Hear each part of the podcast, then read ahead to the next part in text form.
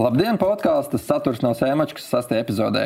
Šodien runāsim par to, kā Latvijas mēdīja atspoguļo starptautiskos notikumus. Sarunas viesi ir mani kolēģi žurnālisti.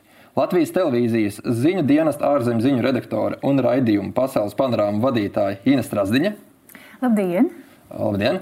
Un ilgadējs starptautisko notikumu komentētājs žurnālists Cāris Jansons. Labdien! Labdien Āri. Uh, man pirmais jautājums jums abiem ir, uh, man liekas, kā daudziem interesējoši, manuprāt, vismaz. Kad no rīta jūs, kā profesionāļi ārzemju ziņu jomā, pamostaties, jūs uztaisat kafiju. Kas ir pirmais ārzemju ziņu mēdījis, ko jūs atverat? Vai kas ir jūsu absolūtais top viens? Es atzīšos BBC, jo man arī tīri praktiski mājās ir šis kanāls pieejams televīzijā. Un, un tas ir tas, kur, kur es arī biežāk skatos. Un Twitter. Otrs ir Twitter. Mm, tu viņu sauktu kā mēdīju. Tad, ja? à, jā, tur ir laba nianse. Kā mēdīja gluži ne, bet kā uh, ziņu avotu gan. To, tas, kas notiek pasaulē, jo pa nakti, piemēram, ir satvītojis uh, ASV prezidents laikstarpības dēļ. Tā kā mēs varam uzzināt daudz ko tādu ideju līmenī no turienes arī. Jā. Šis bija jautājums, ko es baidījos, ka noteikti uzdos. Un, um, atklāti sakot, es skatos veselu kaudzi dažādu plašsaziņas līdzekļu vietņu, un ko es skatos pirmo, tas nevienmēr ir viens un tas pats. Gandrīz man ērti atzīties, ka es laikam pašā sākumā paskatos Krievijas informācijas aģentūru RIA novosti. Pirmkārt, tur ir daudz ziņu, un otrkārt, tās ir svaigas.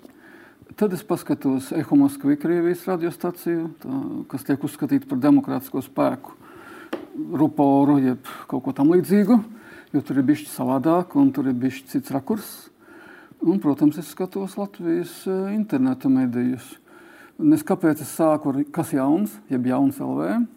Tas tā man iegājies. Pēc tam es skatos Delfi, pēc tam es skatos TVNet, pēc tam es skatos Skaties LV, pēc tam es skatos LALV, pēc tam es skatos LSM.LV un nobeidzu ar Latvijas Krievu. BB.CLV, Miksņūs.LV, pēc tam pastos pietuvinātos himklub.CLV un beidzu ar Baltņūs.com. Tas ir nu, visai tāds uh, garš saraksts pie vienas kafijas. Tas. Jā, bet tā kā viena no manām nodarbības lietām ir uh, sniegt monitoringu informāciju mūsu angļu draugiem, tad es esmu spiests to skatīties arī tādā nozīmē. Kas ir angļu draugi? Ja BBC ir raidsacija, mm. raidorganizācija. Skaidrs. Un no rietumu medijiem? No rietumu medijiem būtībā no rīta es tos neskatos. Vakarā gaidi? Dienas gaitā. Mm -hmm. Labi, tad, uh, lai tur uzzinātu precīzi atbildi, mums būtu jātaisa konta analīze tavam datoru pārlūku programmai, un to mēs droši vien tagad nedarīsim. Taču, ķeroties mazliet pie pasaules klātā, uh, mēs visi zinām, ka, lai kāds pasaules notikums šobrīd notiktu, lielākoties tas ir par un ap vai caurvi uh, Covid-19 notikums. Lielākoties. Taču varbūt tā ir ilūzija. Kas, jūsuprāt, šobrīd ir būtiskākais notikums, kas ir skatāms ārpus Covid-19? Jā, Filipa, par šo jautājumu tiešām rūpīgi domāju, nākot eh, pie tevis uz studiju. Un, un man tomēr jāsaka, ka man personiski šobrīd ļoti svarīgs jautājums liekas Afganistāna. Eh, dažādu iemeslu dēļ, bet arī cilvēciski. Tā iemesla dēļ, ka eh, ļoti bieži šie konflikti rajoni no mēdīju kārtas, var teikt, diezgan tādā īsā laikā pazūd. Kā ar Sīriju bija? Kādu laiku tas turējās? Mediju intereses lokā, un pēkšņi eh, nāk citas lietas, un, un, un, un tas viss mainās. Bet man liekas, ka šis konflikts ļoti, ļoti skar arī mūsu. Galu beigās tur bija mūsu karavīri, eh, bēgļu tēmas, kas saistās ar Afganistānu. Ko tad mēs īsti darīsim ar šo valsti? Tur ir milzīga humanā krīze, mums ir jāpalīdz, kā palīdzēt, kad ir talība pie varas. Eh, godīgi sakot, nu, man arī personiski šī zeme ļoti tuva, bet man ir Afganistāna šobrīd top jautājums, es teiktu. Mhm. Arī. Nu, teikšu atklāti, laikam tomēr jāsako Krievijai. Jo mm, galu galā šīs mūsu kaņa valsts uzvedība un iekšējās norises mūs tomēr skar ļoti tieši. Un notikumi tur attīstās, manuprāt, ne mums labvēlīgākajā scenārija virzienā. Un, ja tu nesakosi tam, tad tu nezināsi, ko sagaidīt. Apmēram tā es teikšu. Ko tu domā ar to, ka nenorisinās mums tajā vēlamākajā nu, scenārijā? Kaut vai versijas par to, ka ja kaut vai mūsu mm, teiksim, nepārāk mīlētais Krievijas prezidents pašreizējais tiktu nomainīts ar kādu citu kandidātu, tas varbūt būtu vēl agresīvāks un militāristiskāks nekā pašreizējais. Jūsu abu nosauktie šie temati ir pienācīgi un plaši atspoguļot Latvijas mēdījos šobrīd - Afganistānu un Krieviju. Mēs it kā runājam par to visu laiku, bet tas ir nebeidzams stāsts. Jautājums par pienācīgu. Es domāju, ka uh, tam ir atvēlēta diezgan nopietna vieta mediju telpā. Mēs, piemēram, paši no veidojot kaut kādu pasaules panorāmu vai ikdienas ziņas, būtībā Krievija mums ir absolūti katrā raidījumā. Tas ir, un mēs arī zinām, ka skatītājiem tas ir svarīgs temats. To mēs redzam pēc dažādām līknēm. Par Afganistānu runājot, jā, mēs arī to sedzam daudz, arī zūmojam ar afgāņiem pašiem, ar Kabulu, mēģinām dabūt autentiskus cilvēkus. Un runājam arī par bēgļu tēmu, runājam arī par to, eh, par šo eh, humano krīzi un tam līdzīgi, kā tas mūs skar. Es domāju, ka vismaz, kas attiecās uz sabiedriskiem mēdījiem, tur mēs esam un arī Delfa par to ļoti daudz runā runāt. Es domāju, šis temats ir diezgan atklāts. Nu, par Krieviju jau tikko pieminēja lielā mērā, bet uh, varbūt mēs nepārāk daudz skatāmies uh, ar Krieviju saistītos aspektus. Teiksim, Krievijas un Ķīnas tuvināšanos, kaut gan to mēs pēdējā laikā varbūt arī drusku vairāk paskatāmies, bet manuprāt, uh, dar pastīties vēl vairāk. Un pie šī paša ASV un Krievijas attiecības. It kā tagad mēs esam nomierinājušies, ka Savienotajās valstīs ir cita administrācija, prezidents Trumps tur šobrīd nav, ir prezidents Baidens. Bet jautājums par prezidentu Baidenu, jautājums par viņa veselību un par viņa priekšteča sapni atgriezties tīkotajā amatā Baltijā namā. Un kāda ir Krievijas loma un vai tā rimstas savos tīkojumos izdarīt pārmaiņas Savienotajās valstīs? Mhm. Par Krieviju būtu skaidrs, ka nu, tur ir loģiski apstākļi, kāpēc kopš neatkarības atgūšanas mēs sekojam līdzi, kas šajā valstī notiek. Par Afganistānu nosacīti. Protams, arī Latvijas karavīri no Latvijas tur nu, dienēja padomju laikā, un kas it kā varētu to atmiņu sasaistīt. Tas jautājums par bēgļiem, vai mēs sagaidīsim afgāņu bēgļus? Jā, nu, daudz vai maz. Jā, tas ir jau ļoti reāli politisks apsvērums, par ko domāt. Taču kā izdodas noturēt to uzmanību tajā pašā Afganistānas gadījumā? Ja pēc Dvīņa torņa traģēdijas mēs varam redzēt, ka visi mēdī bija pārpildīti 2000. gada sākumā ar stāstiem par Afganistānu, sākot no cilvēku stāstiem, beidzot ar, ar Talibanu un Alkaidu salīdzinošām analīzēm, un kas tikai ne.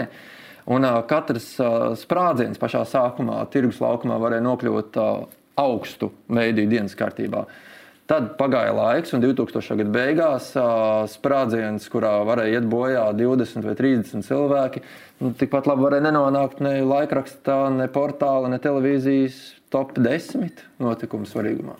Vai es kļūdos? Nav tā, ka mēs nogurām no Afganistānas, un šobrīd cilvēkiem tā vairs nerūp. Līdz atkal mēs nu, šo, šogad augustā piedzīvojām un jūlijā šos taisnīgos notikumus.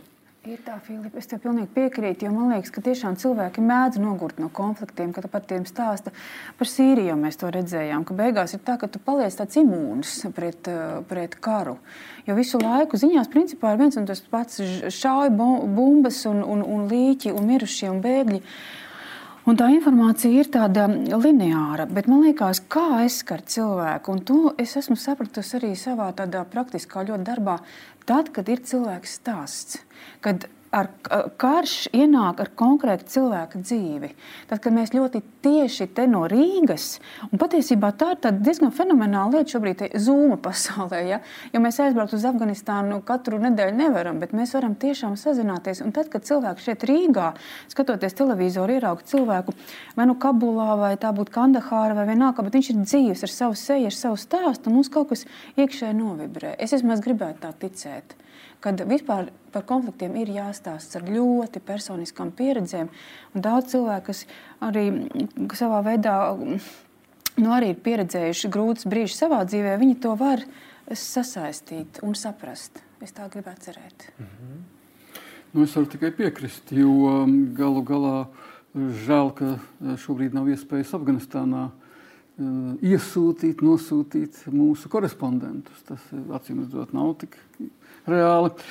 Bet arī es piekrītu par nogurumu no dažādiem aktuāliem tematiem, tā skaitā no Afganistānas. Es tikko lasīju kolēģa Māra Zandera komentāru, kurā viņš ierosina ieviest informācijas lockdownu par Covid-19. Proti, gandrīz vai nerakstīt par šo jautājumu, un neapspriest to, nediskutēt, jo nekas no tā nemainās. Mums vajadzētu tikai uh, zināt, kas ir aizliegts, atļauts. Viņš saka, apmēram tā.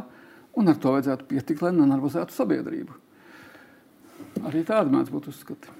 Jā, mums ir kā mēdījiem, pieņem, nu, mēs strādājam profesionālos mēdījos, sadarbojamies ar profesionāliem mēdījiem, vai mūsu atbildība pret sabiedrību ir vēstīta par Afganistānu? Jā, es domāju. Jo būtībā mēs, um, jā, tas ļoti interesants jautājums patiesībā. Jo man liekas, ka pirmkārt mums ir atbildība stāstīt par to, kas notiek pasaulē, jo mēs dzīvojam uz vienas planētas. Un to, ka mēs neslēpjam uh, to faktu kaut vai, ka nu, mēs tur bijām 20 gadus, un tagad viss ir sakritis kā kāšu namiņš. Es domāju, ka mēdījiem ir noteikti, noteikti par to jāstāsta. Un, un, un jāstāsta par šo politisko pusi un par ciešanām personiski cilvēku dzīvē. Es domāju, ka tā ir atbildība. Jā. Ar tu pie atbildību piekrīti? Vai? Nu, es varu sacīt, ka ziņas būtībā vai visbiežāk ir vienīgais, kas sabiedrībai sniedz informāciju par apkārtējo pasauli. Nu, varbūt nevienīgais, bet visbiežāk. Bet pasaulē ir daudz valsts. Katrā valstī kaut kas notiek, ir, ir daudz karstie punkti. Ziņu pasniegšana pasaka par mūsu spēju vai nespēju domāt par šiem pasaules notikumiem. Un par mediju uh, saturu savukārt pasaka um, par mums kā par sabiedrību. Uh, vietējie viedokļi, protams, ir svarīgi arī šai pašā sakarā. Un galu galā ja mēs nezinātu, kas notiek kaut vai blakus, tas būtu arī, manuprāt, absurds. Jautājums ir, manuprāt, diezgan interesants par to, vai šobrīd interese par starptautiskiem notikumiem ir tikpat liela kā pirms gadiem 35, 40. To nebūtu iespējams izmērīt, jo ir mēdīņu fragmentācija pa vidu. Un tagad, kā Inna iepriekš minēja, 95. gadā nebija iespēja atvērt Twitter un apskatīties, ko raksta BBC vai Eko Moskva. Toreiz bija populāri tie pieejamie masu informācijas līdzekļi. Kāpēc toreiz raidījums Globus bija populārs? Ne jau tāpēc, ka no tā gaidīja pēc kāpēc kā lozungu sludināšanu. Bet kā es esmu runājis arī ar uh, labi zināmiem trimdas tautiešiem, pārstāvjiem, to pašu Uldi Gravu, kurš bija mans kolēģis un priekšnieks Radio Brīvā Eiropa, un uh, vēl ar viņa priekšteci. Jautājums jau ir tas, kas nāca no šīs informācijas starp rindām. Vispirms nāca oficiālās tēzes, un beigās nāca oficiālās tēzes. Bet ko cilvēks uzzināja tajā vidusposmā?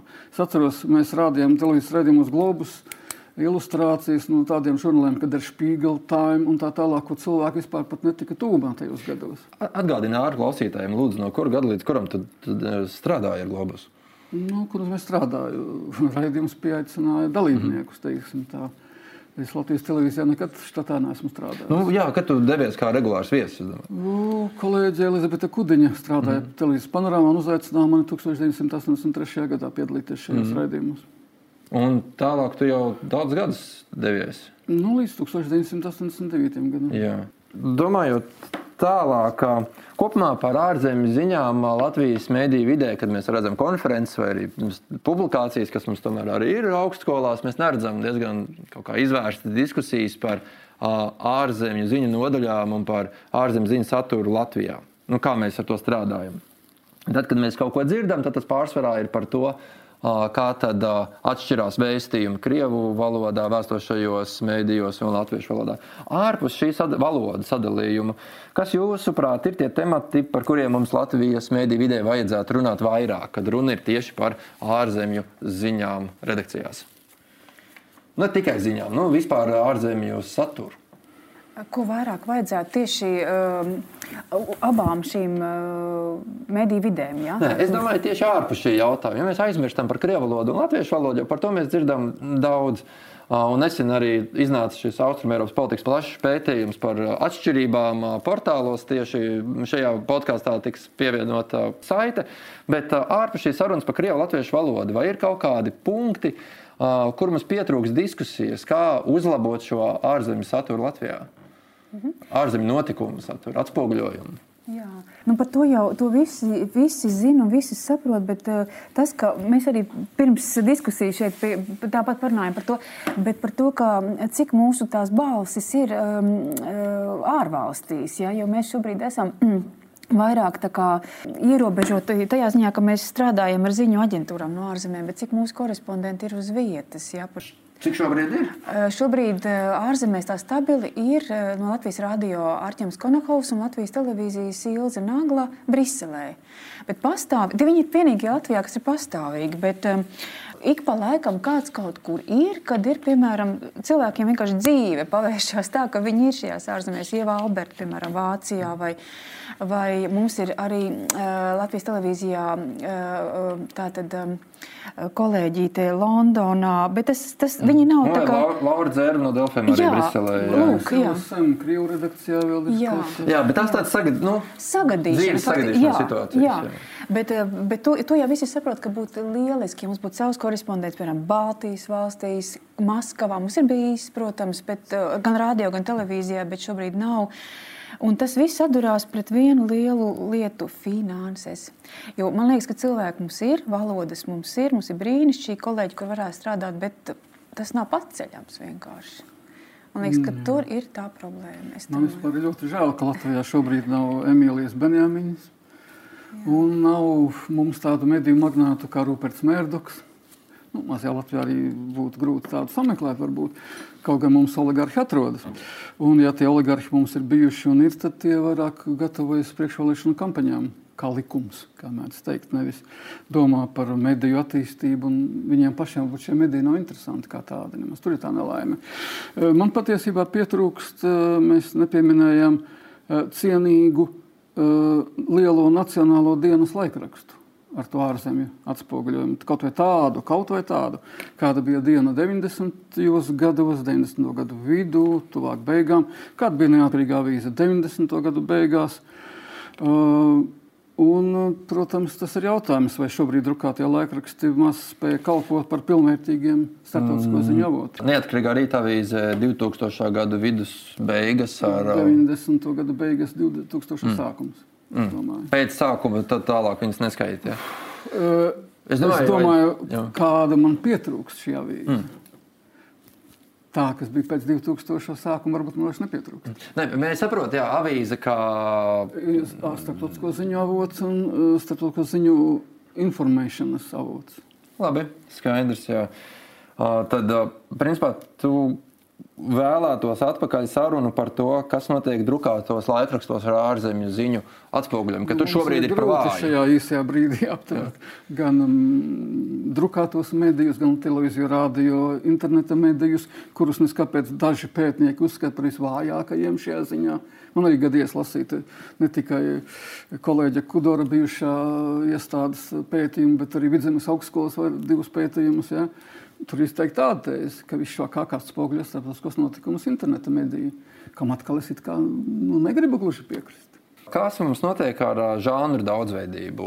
Ine jau pieminēja, ka mums pārsvarā ir ārzemju ziņu aģentūras. Un tad mēs redzam ziņu lentes, kurā ir tātad, fiksēti konkrēti ziņu notikumi. Reizēm ir, tātad, ir komentārs, kas ir nu, Āris pats, ir šis, te, manuprāt, mums vadošais komentāru žanra autors, kas ir par ārzemju ziņu notikumiem.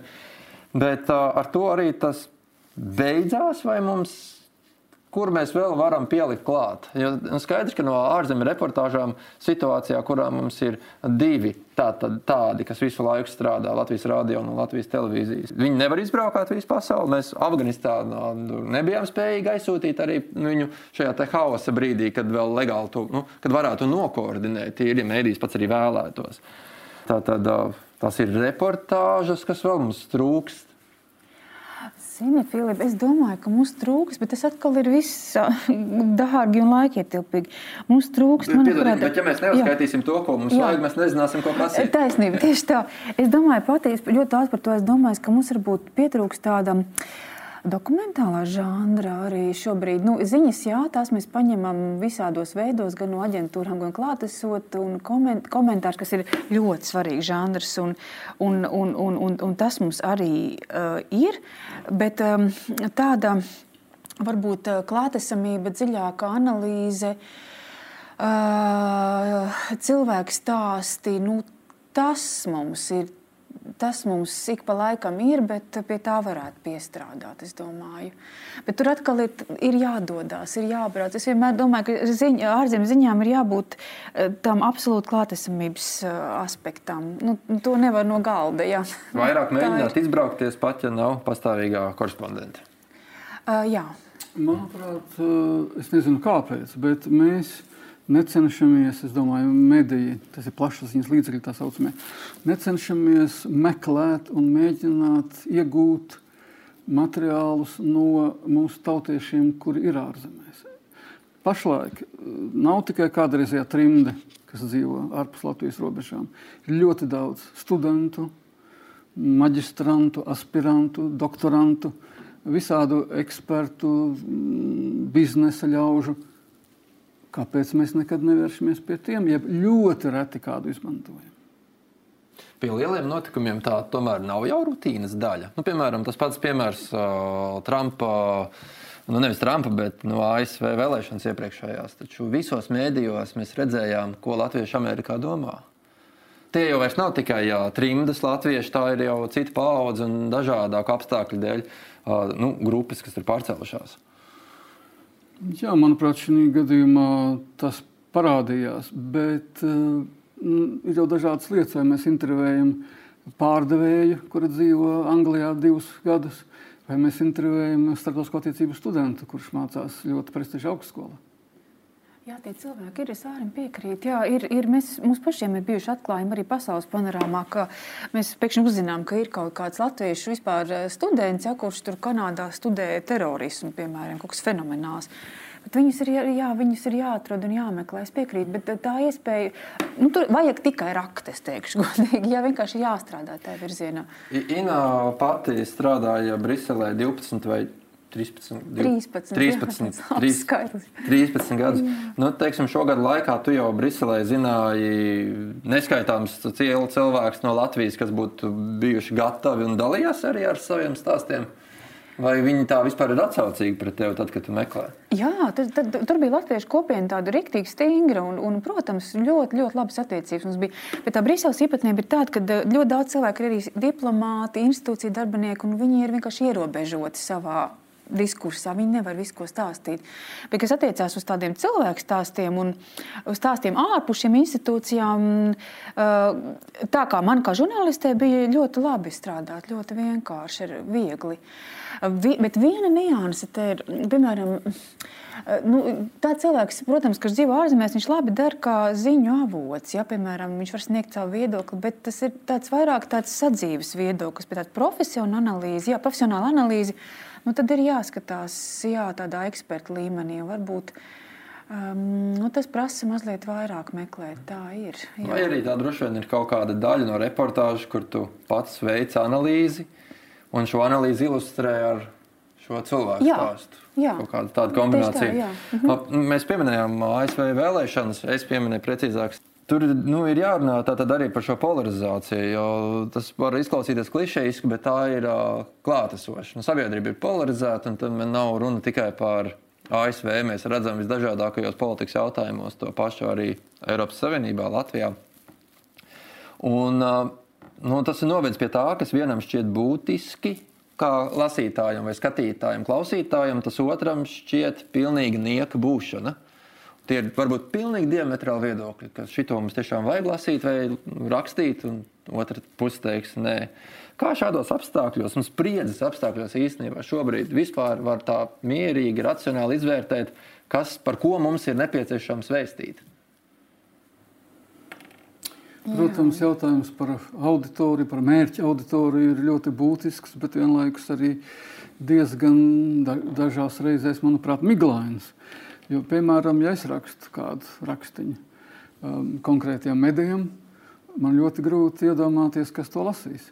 Un, ja to lasa parlamenta deputāts, tā ir viena lieta, vai ārlietu ministrs, bet, ja to lasa mans kaimiņš laukos, jautājums ir, vai viņam tas interesēs, vai viņš to izpratīs. Un tāpēc ir jautājums tieši uh, starptautisko notikumu atspoguļošanā, cik uh, sarežģīti, cik gudri, cik uh, lietojot um, profesionālos terminus, rakstīt šos rakstus. Vai ir jāizskaidro vai nav jāizskaidro, pirms um, ķeries kaut ko tur komentēt. Ja? Ļoti labi, ja tādā žurnālā kā Igaunijā iznāk tāds diplomātija, tu vari uzrakstīt 20 teikumus ar izsmieklu par to, kā Trumps kaut kur tur kaut ko izdarīja, vai kā Baidens nenokāpa kārtīgi pludmašīnas trapu. Bet, ja es to gribu pastāstīt savam lauku kaimiņam, viņš jautās, kas ir Baidens. Ko mums šādā situācijā nav viegli. Jā. Jo tas cilvēks tiešām interesējas par ļoti, tas intereses līmenis ir ļoti dažāds. Jā. Bet tas, ko mēs, piemēram, esam ievērojuši pasaules panorāmā, ka ir tādi divi bloki, kas nu, vienos vārtos visus interesē.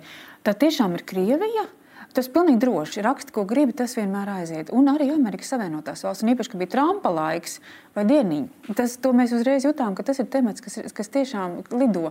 Un tad, kad es pati biju vēlēšana atspoguļošanā pirms gada uh, ASV, tad, piemēram, tāda nu, lieta, kas tiešām tā parādījās, ka uh, mūsu reportāžu, ārzemju reportāžu reti, kad komentē mājaslapā, bet kad bija reportāžas par Trumpu, vai dieniņu, cik bija komentāru. Tā kā ir kaut kādas lietas, kuras mēs arī ārzemju šo ziņu asociējām ar sevi, ar savu teiksim, vietējo politiku. Jā, es gribēju teikt, Jā. ka atkarībā no snieguma. No mūsu snieguma Jā. piedāvājums var radīt arī pieprasījumu. Arī taisnība. Jā. Mm. Uh, Labi, kādu jūs šajā stāstā iztēlojaties vispār savu lasītāju? No nu, Ārsts teica, ka viņš domā, kāds tas ir kaimiņš ir vai tas ir politiķis, bet ja jūs, kad jūs veidojat savu darbu tā, kā jūs profesionāli esat to pieraduši darīt, kas ir jūsu skatītājs un lasītājs ārgadījumā? Nu, man gribētu ticēt, ka cilvēks vismaz ar vidēju izglītību un tāds, kuru interesē, kas notiek viņam apkārt.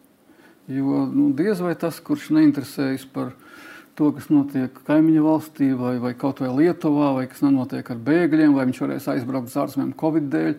Nu, tas jau arī būtu nelasījis nemaz šos starptautiskos materiālus. Tas lasīs eh, padomus eh, dārzam un dravai un tam līdzīgi. Jā, mums arī ir mūsu pasaules panorāma faktiski tāds nišas produkts savā ziņā. Ir. Un es arī gribētu ticēt, ka mūsu auditorija ir uh, izglītota. Uh, interesējās un ir politiski aktīvi. Man liekas, ka šie cilvēki, kas skatās uh, ārzemju un vispār interesēs par ārzemju notikumiem, arī iet uz vēlēšanām. Nu, viņi ir sagatavoti savā ziņā. Bet, uh, tad, kad ir piemēram kādreiz kādas atsauksmes, tur ir pilnīgi ļoti dažādi profesiju pārstāvji arī ļoti daudz no reģioniem skatās. Tas interešu lokus ir diezgan plašs. Bet, um, Bet jā, tas ir nu, sagatavots. Televīzija, piemēram, ar attēlu, ar bildi ir iespēja vairāk pievilkt to jā, skatītāju. Jā, bet tas ir jebkurā gadījumā sagatavots skatītājs. Tā ir. Mhm. Nu, mēs atrodamies šajos polarizētajos apstākļos, mēģinam kaut kā cīnīties tiem cauri, nodrošināt lielāko pievienoto vērtību no mūsu auditorijām. Vai to darot, jūs vienmēr spējat arī palikt neitrāli? Vai arī jūs neuzskatāt, ka jūsu pienākums ir būt neitrāliem? Jo šie polarizētie jautājumi var būt arī diezgan tādi. Nu, Asas diskusijas ir raisošas. Pro, tie paši protesti Baltkrievijā. Bija cilvēki, kuriem teica, ko jūs to Lukašenko vispār tur aiztiekat, lai viņš dara savā valstī, ko grib. Tas pats attiecās uz homoseksuālu cilvēku tiesībām Polijā. Ko jūs jaucaties tajā polijā? Kāpēc jūs sakat, ka kaut kas tur ir pareizi vai nepareizi? Vai uh, Brexit? Šajā jautājumā vai Kā jūs spējat noturēt savu pozīciju? Kā jūs strādājat ar to? Jā, nu šeit jau īstenībā uz šo jautājumu arī teorētiķi sniedz dažādas atbildes un strīdās savā starpā, kas ir labāk, piemēram, komentāru žanrā. Vai tas, ka tur izmet savas emocijas, vai tas, ka tu centies apskaidrot procesus, lai tas būtu maksimāli objektīvi, objektīvi tā lai tas būtu arī zināmā mērā neitrāli. Uh, es jau sacīju, ka nav vienkārši, ja precīzi, tad nezinu, auditorija ļoti precīzi. Tad ir grūti runāt uh, tikai ar emocijām. Ir mūsu kolēģi, kuri runā ar emocijām. Jā. Uh, varbūt tāpēc arī viņi ir populāri, uh, bet ir jau šis vārds arī populisms. Ka, tā ir spēle uz publiku, un vai tu gribi publiku informēt, ļaut pasniegt savu viedokli un pavadināt, pamudināt, pašam interesēties par notiekošo. Vienkārši sajūsmināties vai pārdzīvot par to, ka tur esi uzrakstījis, ko tas atspoguļojas. Es, protams, piekrītu vienai, ka cilvēks stāsta ir ļoti laba lieta un palīdz izprast notiekošo. Bet uh, asaraini raksti tikai un uh, milzīgas sajūsmas raksti par to, cik mēs būsim vareni pret NATO, ja mēs iegādāsimies vēl vienu bruņumašīnu.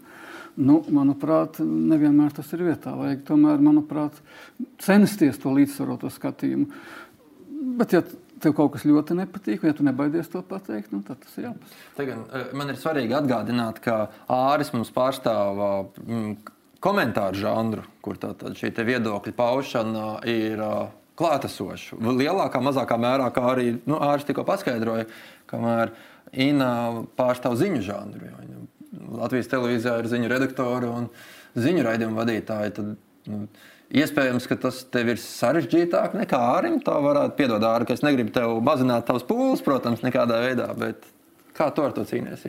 Man ir viedoklis, protams, Filip. Es, es par katru, nu, katru politisko notikumu varētu, notikumu varētu pateikt personiski biezu vārdu, bet, bet ir, ir, ir jāsavaldās tiešām, jo nedrīkst. Un, un mēs kā žurnālisti, protams, cenšamies būt maksimāli profesionāli un tiešām neitrāli mēģināt šo notikumu atspoguļot, lai tā būtu Ukraina vai Baltkrievija. Uh, vai, vai tāpat Afganistāna, protams, Maidana laikā. Nu, nu, tas ļoti grūti nebūt ar kaut kādu, ja mēs visi esam cilvēki. Mums visiem ir kaut kāda vēsture, kaut kādas savas domas un tam līdzīgi, bet, protams, ēterā to nevar. Un tas, tas ir jāparāda šī notikuma attīstība caur notikumiem, faktiem, fakti, fakti, fakti, bet tajā pašā laikā, protams, emociju arī nevar atmest. Tai ir jābūt klātesošai, jo viss, viss tomēr ir dzīves. Te, tev ir bijušas tādas situācijas, kad tu nu, vienalga, vai tā būtu Latvijas televīzija vai kāds cits mēdījis, kurā konkrētajā brīdī strādā, vai raksti, vai, vai vēsti kādā citā formātā, ka tu izdari savu darbu, un tev pēc tam ir sajūta, ka tu esi aizgājusi par daudz savā sajūtās vai nos no tā neitrālā faktoloģiskā ceļa. Um, tā, tā, tādā līmenī, ka tev ir jāpārmet pašai sev. Vai... Nav man tā bijis laikam. Jā, par laimi kaut kā nav. nav tik, tik, tik traki es neesmu uh, novirzījies no ceļa, bet nu, ir, ir, ir gribējies. Es atzīstos. Arī vēl pie šiem žanriem domājot. Labo man iet kļūdos, bet uh, ņemot vērā, ka es lasu visus tavus uh, komentārus arī darba pienākumu dēļ, tavi komentāri bieži man atgādina Drīzāk jau apraksts vai features, nu, kā mēs viņus saucam, tie ir vairāk analītiski bez šī viedokļa klātsamības. Es, man šobrīd ir ļoti grūti atcerēties kādu gadījumu, kur tu būtu aizgājis arī viedoklī. Tu pats uzskati, ka tu rakstīji analītisku aprakstu vai viedokļu rakstu? Tur ir tā nelaime, ko es jau pieminēju, ka jautājums ir par orientēšanos uz klausītāju, lasītāju, skatītāju segmentu. Ka nezinot droši vai katrs lasītājs uh, orientējas tematā. Es baidos par to rakstīt kā visgudrais šajā jautājumā. Un no tā radās šī skaidrošana, apskaidrošana, garāki teksti. Un es pats secinu, ka tas drīzāk ir tāds bieži vien tas ir pārskats, apskats, nevis komentārs. Komentārs būtu lūk, tuvāk tam, ko raksta Andris Adlinieks uh, dienā arī esmu dienā strādājis un rakstījis noteikts zīmju skaits, un tev šajā zīmju skaitā jāiekļaujas un jāuzraksta uh, komentārs. Tas arī piespiestu, protams, uh, vairāk mobilizēties, bet vai tas būtu pateicīgāk uh, lasītājiem, to es neesmu pārliecināts. Mhm. Strādājot, uh, strādājot dažādos mēdījos, tev ir bijušas situācijas, kurā tev jau arī mēdījis pasūta vai prasa ka nu, viņš gribētu šo viedokļu rakstu vairāk pa labi vai pa kreisi vai kādā citādā ideoloģiskā mm, formatā? Nu, tā jāsaka, paldies Dievam, starptautiskajā nozarē ne katrs mediju galvenais redaktors jūtas pietiekami droši, lai dotu šādus norādījumus. Vismaz strādājot laikrakstā diena, savulaik 90. gadu otrajā pusē, vairāk šāda ievirzīšana attiecās uz iekšpolitiskiem tematiem. Bez, kur bez sarunas ar vadību bieži vien tie materiāli nemaz netapa. Kas attiecas uz starptautiskiem jautājumiem, nu, tas zināmā mērā ir pat bija vieglāk, ja tikai autors neuzrakstīja kaut kādas galīgās aplamības. Mm, teiksim tā. Vai ņemot vērā šo, ko tu saki, un arī tas pats nu, neatkarīgās rīta avīzes piemērs? Neatkarīgā rīta avīzē man bija pilnīga rakstīšanas jā. brīvība. Un arī 2000. Un... gadu beigās Jānis Buhalts un Mārcis Kromiņš, kā duets tur šo ārzemes ziņu segumu nodrošināja, manā skatījumā, visai profesionāli. Jā, jo tomēr. Jā spēlē lomu. Es nezinu, kā jaunajā, pavisam jaunajā paudzē, kuriem tagad ir pār 20, bet uh, vecākajā paudzē jau darbojas arī paškontrole diezgan stipri vēl no agrāko laiku iespaida. Ja. Vai mēs varam secināt, ka ārzemju ziņu žurnālisti patiesībā ir tādā kaut kādā savā saliņā, kura tad pat, ja viņi strādā mēdījā, kur ir neskaidrs īpaši īpašnieku, ne, neskaidra īpašnieku caurskatāmība, kā tas ir neatkarīgajā rītavīzē, tad nu, tas var netraucēt viņiem īstenot profesionālu žurnālistu darbību savā jomā. Vai tas ir kaut kāds triks? Jā, es, es varu Filipa atbildēt tikai par sabiedriskiem mēdījiem, jo vienkārši manā pieredze citos, bet, bet es varu teikt, ka tas saliņi ir, jo mēs esam vienmēr tādi, mazliet tā tādi outsideri, ārzemju ziņu žurnālisti ir tādi savā tajā lociņā un pilnīgi tādi, kā faktiski vai gan vai entuziasti arī savā ziņā, jo parasti tie cilvēki, kas deg par ārlietām, par ārzemēm un viņu galds ir nokrauts ar visādām kartēm un, un visādām krūzītēm no visādām pasaules valstīm viņi vienkārši ir rokās savā tematā un neskatās ne pa labi, ne pa kreisi. Tā kā savā ziņā tās salas ir, jā, bet, eh, piemēram, man ir vienmēr ļoti laimējies gan rādio, gan televīzijā, ka ārzemju ziņu eh, sadaļa ir ļoti, ļoti respektēta. Un, piemēram, šobrīd arī mūsu ziņu dienas vadītāji ir pateikusi, ka ārzemes ir prioritāte ka tiešām ārzemju ziņas ir prioritāte. Tas ir brīnišķīgi, ka tā domā vadītājs, jo patiešām tas izslēdz to iespēju, ka mēs paliekam ļoti lokāli savā domāšanā kaut vai. Mhm.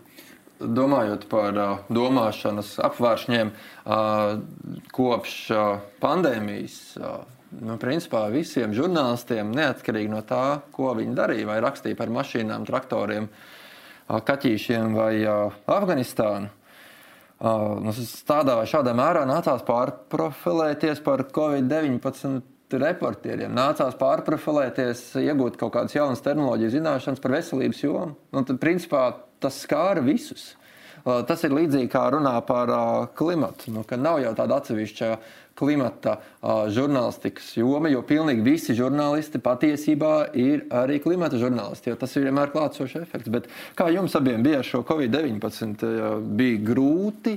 Jūs vispār šobrīd jūtaties ērti runāt terminoloģijā, piemēram, par vīrusu izcelsmi. Kāpēc būtu jāizmanto vārds koronavīrus vai arī vārds celkums jaunais koronavīrus? Un kā tas vispār atšķirās? Un šāda veida nianses tomēr prasa zinām, nu nevis zinām, bet diezgan lielu piepūli. Tā ir. Es atceros, eh, viens solīt atpakaļ, kad bija galā finanšu krīze. Tad arī es atceros, Briseles korespondents ved uz kursiem mācīties. Jo ļoti daudz vienkārši nu, nav ekonomisti. Un, bija, un, un tieši tā tagad arī ar kolīdu. Tas taču ir medicīna. Mēs visi esam no plaukta nokrituši savā ziņā. Bet atbildot uz tavu jautājumu, ir. ir ir ok, es teikšu, jo mēs jau sen ar to strādājam un ejam gandrīz katru dienu šīm ziņām teikt, cauri. Un, protams, skatāmies, lai ne, paši neielaistu kļūdu, kas ir šis termins un tam līdzīgi. Bet tas ir tādā pašmācības ceļā, gan jā. Mm. Ir ok, tas būtu tavs pašvērtējums šobrīd. Jā, okay. Arī kā tev sakās? Profesionāls žurnālists tomēr es pilnīgi piekrītu, skatās un pārbauda vairākas reizes avotos, ko tas nozīmē. Vai rakstīt Covid-19 sars, kāds tur V2 vai kāds, vai vienkārši šeit koronavīrus. Mm, tomēr piedomā. Un es eh, šādu un tādu skatos arī um, domas izklāsta skaidrībai vietni Tezaurs LV, lai neaizrautos ar svešvārdiem vienmēr. Nevienmēr tas arī izdodas, varbūt, bet uh, kaut kā par medicīniskiem terminiem runājot. Bet, uh, manuprāt, dara arī uh, censties runāt saprotamā valodā. Mhm. O, labi, par valodu man ir pēdējie jautājumi arī šā, šajā podkāstu ierakstā. Man pirms pāris gadiem uz Briselu uzaicināja tulki un tulkotāji pie viņiem paviesoties un pastāstīt, kā mēdīji organizē savu darbu kārtību, kā izvēlās ārzemju ziņas un kā mēs strādājam ar valodu.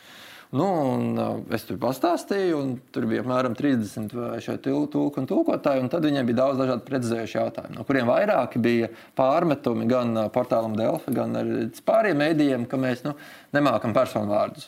Ka mēs šos personu vārdus uh, jaucam vienā, nu, vienā jaukšanā. Kā vienā brīdī mums ir Banski mūns, tad viņš ir Gimons, tad viņš ir Kiku mūns, un kāds tikai tur vēl nav. Un kā. un viens no šiem ierosinājumiem bija, ka nu, varbūt Nu, tā nav jūsu lieta.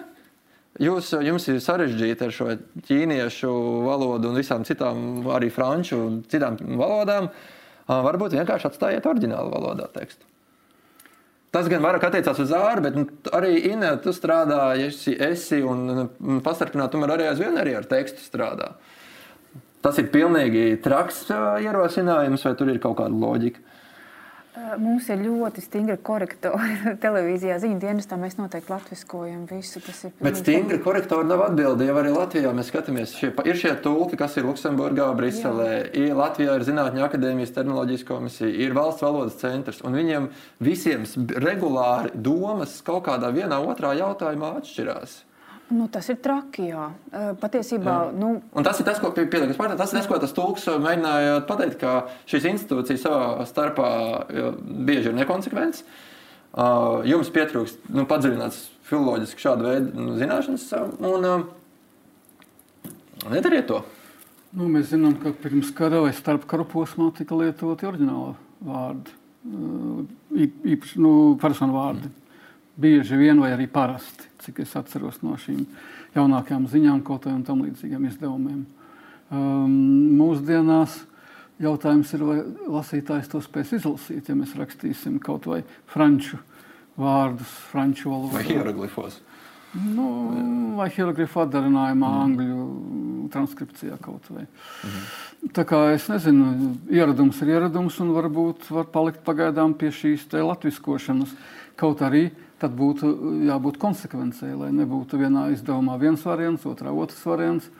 Un e, mums būtu tomēr jācenšas šiem valodniekiem tikt skaidrībā par to un jākonsultējas ar normāliem šīs valodas zinātājiem, lai šī izruna tiktu atdarināta maksimāli precīzi. Mm. Bet normāli valodas zinātāji, nu vienam būs, tur atšķirsies viņiem tās savas. Nu, izlūksnis kaut vai Ķīnā Jā. un dialekti ir daudz un dažādi. Bet... Labā ziņa ir tā, ka vismaz manā skatījumā, ka tad, kad šie tulki un tulkotāji dzirdēja šo ierosinājumu, viņi sāk savā starpā ņemties un tas konsensus tur bija tāds, ka varbūt tas arī nemainīs šīs izmaiņas saturā uz labu. Jo tas, ja, ja mēs iztēlojamies šo ārā aprakstīto ainu, vai mēs tiešām varēsim to izlasīt? Nu, droši vien, ka nevarēsim.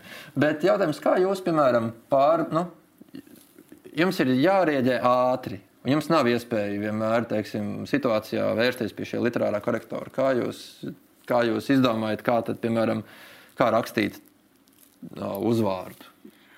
Pēc tā, kā uh, skan Es parasti, kad man ir šaubas, es ielieku vienkārši Google Translate un paklausos.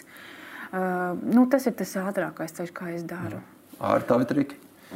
Pirmkārt, biežāk pieminētie vārdi, uzvārdi jau mums ir ieviesušies tradicionālā rakstībā. Tas ir pirmkārt. Otrakārt, ir pilnīgi nepazīstams, pilnīgi nekad nedzirdēts, tad vai nu es vados tāpat kā Ina to dara, arī izmantoju šo dzirdes mm. atdarinājumu, kas ir internetā sastopams. Paskatos arī, kā mūsu kaimiņi Krievi to atdarina, kas uh, dažkārt arī nodara. Un uh, paskatos arī, kā to raksta varbūt citās valstīs. Mm.